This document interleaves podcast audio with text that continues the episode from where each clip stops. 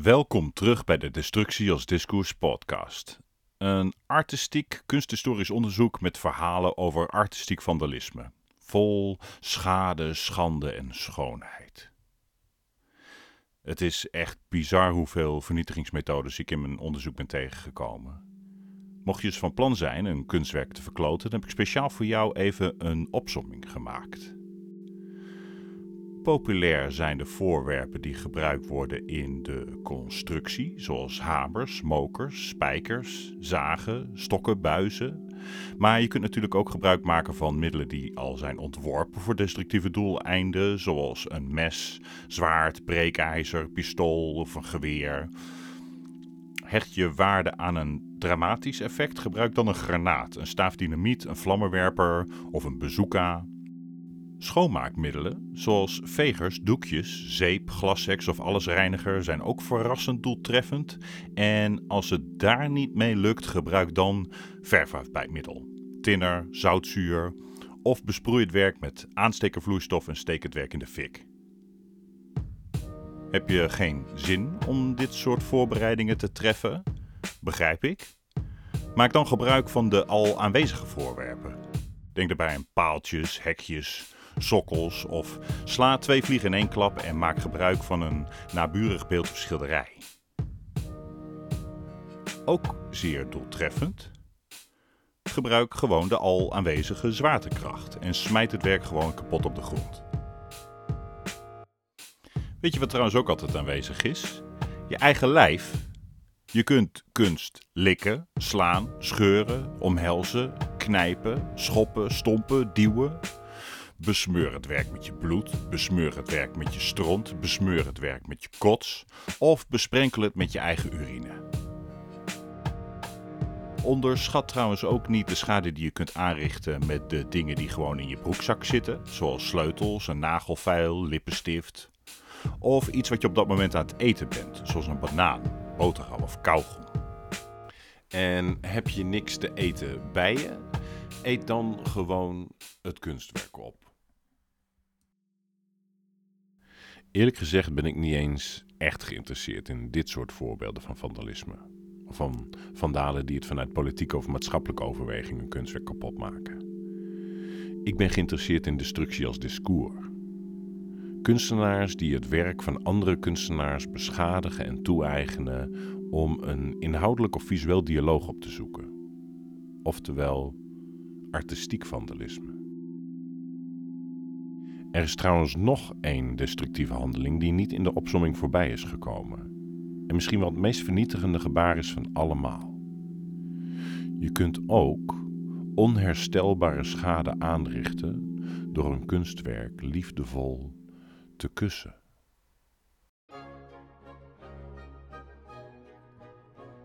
Dit is de Destructie als Discours podcast.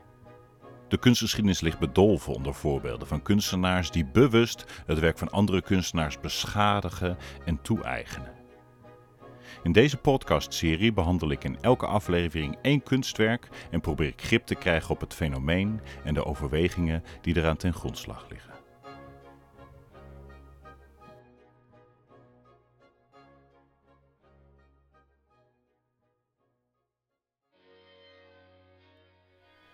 Jij kent vast ook wel de aantrekkingskracht van een leeg vel papier.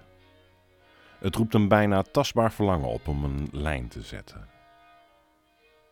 Leegte geeft ruimte, of zoals ze in het Zen-boeddhisme zeggen, leegte is zwanger van potentie. De behoefte om een extern bewijs van je bestaan te creëren zit diep. We krassen ik was hier in een boom en we laten handdrukken achter in grotten. Als honden die overal tegenaan pissen om een territorium af te bakenen. Maar nu even terug naar die omschrijving. Zwanger van potentie. Het doet bedenken aan een uitspraak van grafisch vormgever David Carson over een foto van een lege stoel. Volgens Carson kijken we als toeschouwer bij een foto van een lege stoel niet naar een stoel. We kijken bij een foto van een lege stoel naar de afwezigheid van een persoon. Het hele bestaansrecht van een vel papier is dat het moet worden beschreven. Oftewel, als we naar een leeg vel papier kijken, kijken we niet naar een leeg vel papier. Bij een leeg vel papier kijken we naar de potentiële uiting van een mens. Excuus, ik dwaal af. Ik zou het over de kus hebben. En dan bedoel ik niet de kus van Rodin of van Brancusi, maar van een tamelijk onbekende kunstenares genaamd Rindy Sam, die ook de verleiding van de leegte niet heeft weten te weerstaan. Op een inwisselbare dinsdag in juli 2007 bezoekt Sam met haar verloofde een overzichttentoonstelling in Avignon van de Amerikaanse abstract-expressionist Cy Twombly. Ergens halverwege de expositie wordt ze aangetrokken tot een monochroom wit doek, dat ze naar eigen zeggen moest kussen. Deze kus laat een vuurrode afdruk achter op het maagdelijke witte schilderoppervlak. Vervolgens doet ze een stap achteruit om te reflecteren op haar daad.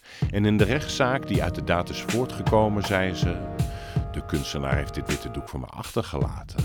En nu is het schilderij nog mooier. De art scene van Frankrijk was duidelijk wat minder gecharmeerd van deze French kiss. Drie dagen eerder had een van de dronken idioot een schilderij van Monet al een stomp uitgedeeld. En ironisch genoeg bleek dit gestompte kunstwerk aanmerkelijk makkelijker te restaureren dan het gekuste kunstwerk. Maar daarover later meer. In concept is een kus een daad van tederheid.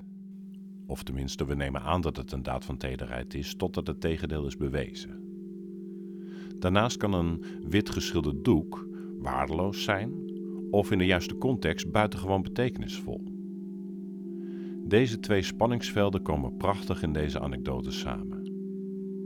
Daarbij komt dat ik de keuze van Sam om specifiek deze Twombly te zoenen erg interessant vind, omdat de titel van het werk verwijst naar een filosofische reflectie van Plato over liefde, aantrekkingskracht en het verschil tussen monologen en dialogen.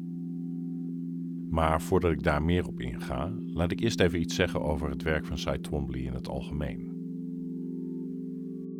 De schilderijen zijn semi-abstract, bestaand uit een verzameling van ogenschijnlijk spontaan ontstaande krabbels, doodles, vlekken en halfleesbare teksten. De werken roepen associaties op van gekras op wc-deuren of stiekem puberaal gekras op schooltafeltjes. Elke lijn is volgens Twombly een feitelijke ervaring van zijn eigen geboorte. Je zou kunnen zeggen dat de lijn dus niet illustreert, oftewel het probeert niet iets anders te zijn dan zichzelf. Die fascinatie voor vrijwel onleesbare teksten vindt vast zijn oorsprong in het werk wat hij vroeger heeft gedaan voor het Amerikaanse leger waar hij als cryptograaf geheime boodschappen heeft versleuteld en codes moest ontcijferen. Maar bij een cryptograaf is er altijd een sleutel waarmee de code kan worden gekraakt. En die lijkt in zijn kunst welbewust te ontbreken.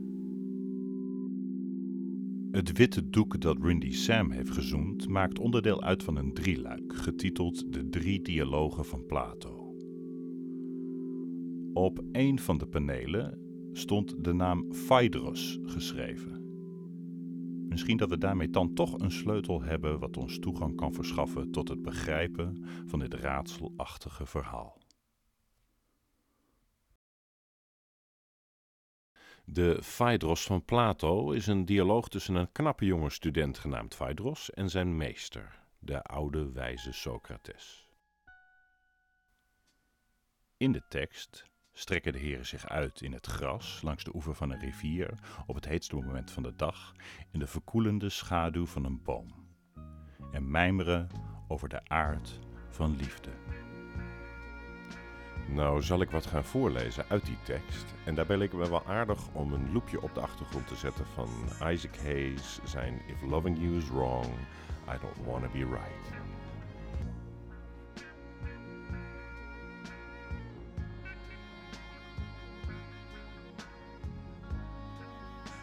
Phaedros vertelt over zijn bewondering voor een redenvoering over liefde door een Lysias.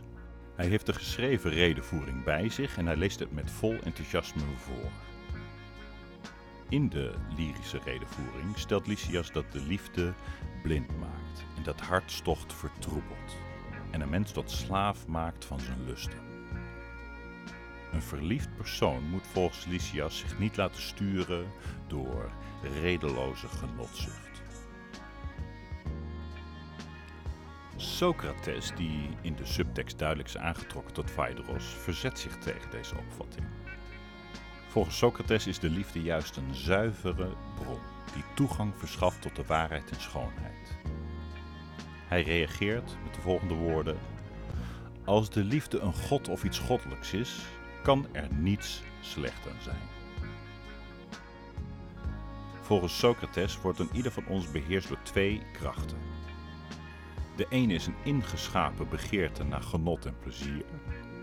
En de andere de overtuiging dat we ons moeten laten leiden door het beste. Soms zijn deze krachten in evenwicht en soms in strijd. En het vinden van een balans vereist zelfbeheersing. En dat maakt het verschil tussen eetlust en vraatzucht.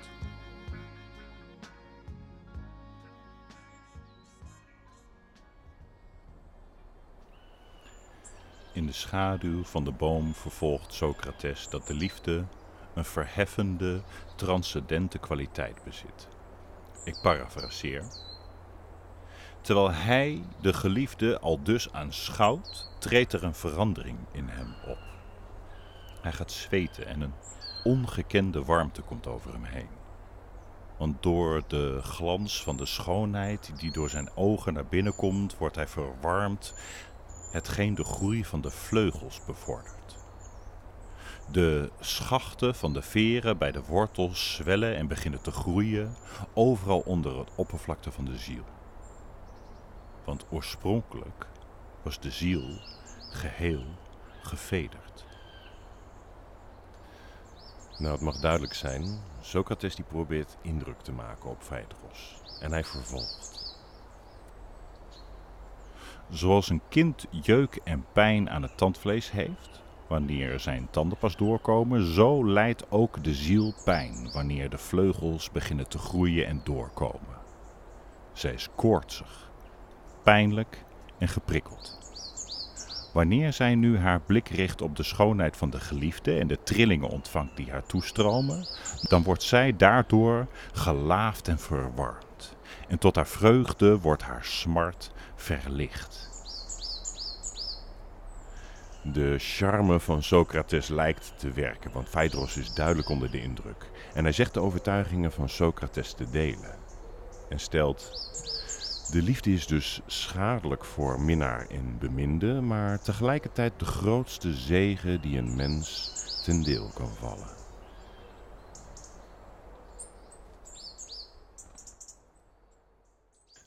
Nou ja, we laten de opgewonden heer maar even alleen verder, daar onder die boom. Maar niet voordat ik nog één ding heb uitgelicht uit Plato's tekst. Want daarin schuilt mogelijk de sleutel voor de sensuele daad van Rindy Sam. De dialoog sluit namelijk af met een interessante reflectie op de verschillende manieren hoe wij mensen met elkaar van gedachten kunnen wisselen. Socrates heeft in de retorica een duidelijke voorkeur voor het hebben van een dialoog in plaats van voeren van een monoloog. En daarom besluit hij zijn betoog met de volgende woorden. Schrift heeft dezelfde merkwaardige eigenschap als de schilderkunst. De voortbrengselen daarvan staan immers levensecht afgebeeld, maar als je ze iets vraagt, dan zwijgen ze als het graf. En zo is het met woorden ook. Je zou denken dat ze spreken vanuit een zeker begrip, maar als je ze vraagt wat ze te zeggen hebben, dan herhalen ze alleen zichzelf. Wanneer het woord verkeerd wordt gebruikt, dan heeft het de hulp van zijn schepper nodig, want het is zelf niet bij macht om zich te beschermen of te verdedigen. Einde quote.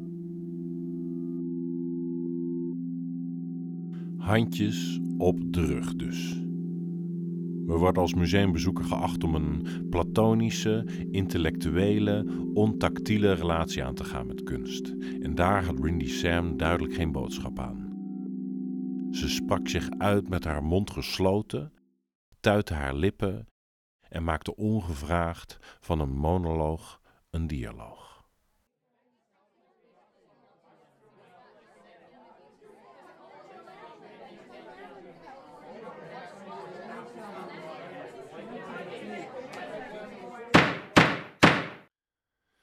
De rechtszaak levert zo een treurig schouwspel op. Een slechte soap over onbeantwoorde liefde. Sam zei in de verdediging: Ik ben verantwoordelijk, maar niet schuldig. Het witte doek inspireerde me.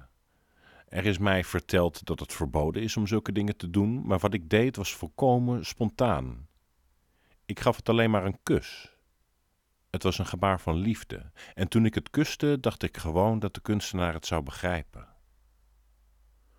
Volgens een nieuwsbericht was de 79-jarige kunstenaar echter met afschuw vervuld.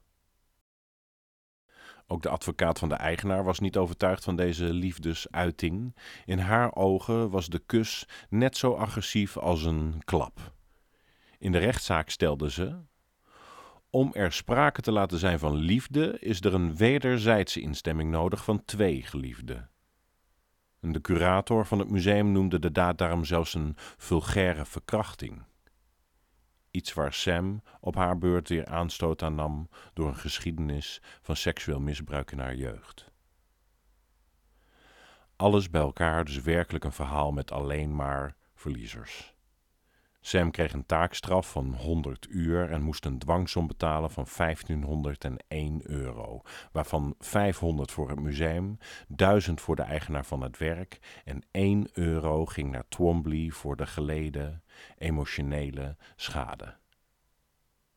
Daarbovenop kwam nog een bedrag van 19.000 euro voor het restaureren van de schade, wat best fors is gezien het cosmetisch laboratorium van Bourgeois, merk Lippenstift, had voorgesteld om kosteloos mee te werken aan de restauratie. Alles bij elkaar een raadselachtige affaire, waar lastig onderzoek naar te doen was omdat er best weinig informatie over beschikbaar is. En mocht je denken dat Rindy Sam het te doen was om zichzelf op de kaart te zetten, dan kunnen we in ieder geval vaststellen dat dat niet is gelukt. De kunstenares lijkt vrijwel onzichtbaar, zowel in de literatuur als op het internet. In een zeldzaam interview in de Libération 2007 stelde ze: Ik geef niets om deze bekendheid. Ik wil met rust gelaten worden.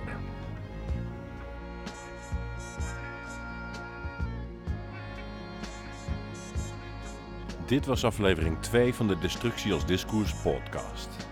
Ben je nieuwsgierig naar meer voorbeelden van artistiek vandalisme? Vergeet dan niet te abonneren. De Destructie als Discours podcast is gratis te beluisteren op zowel Spotify als Apple Podcast. Delen, recensies en sterretjes worden erg gewaardeerd. En terugkomend op een monologen en dialogen, op de Destructie als Discours website is het nu mogelijk om een audiobericht achter te laten. Mocht je willen reageren of iets willen agenderen, dan hoor ik het graag. En misschien maak je dan wel onderdeel uit van de volgende podcastaflevering.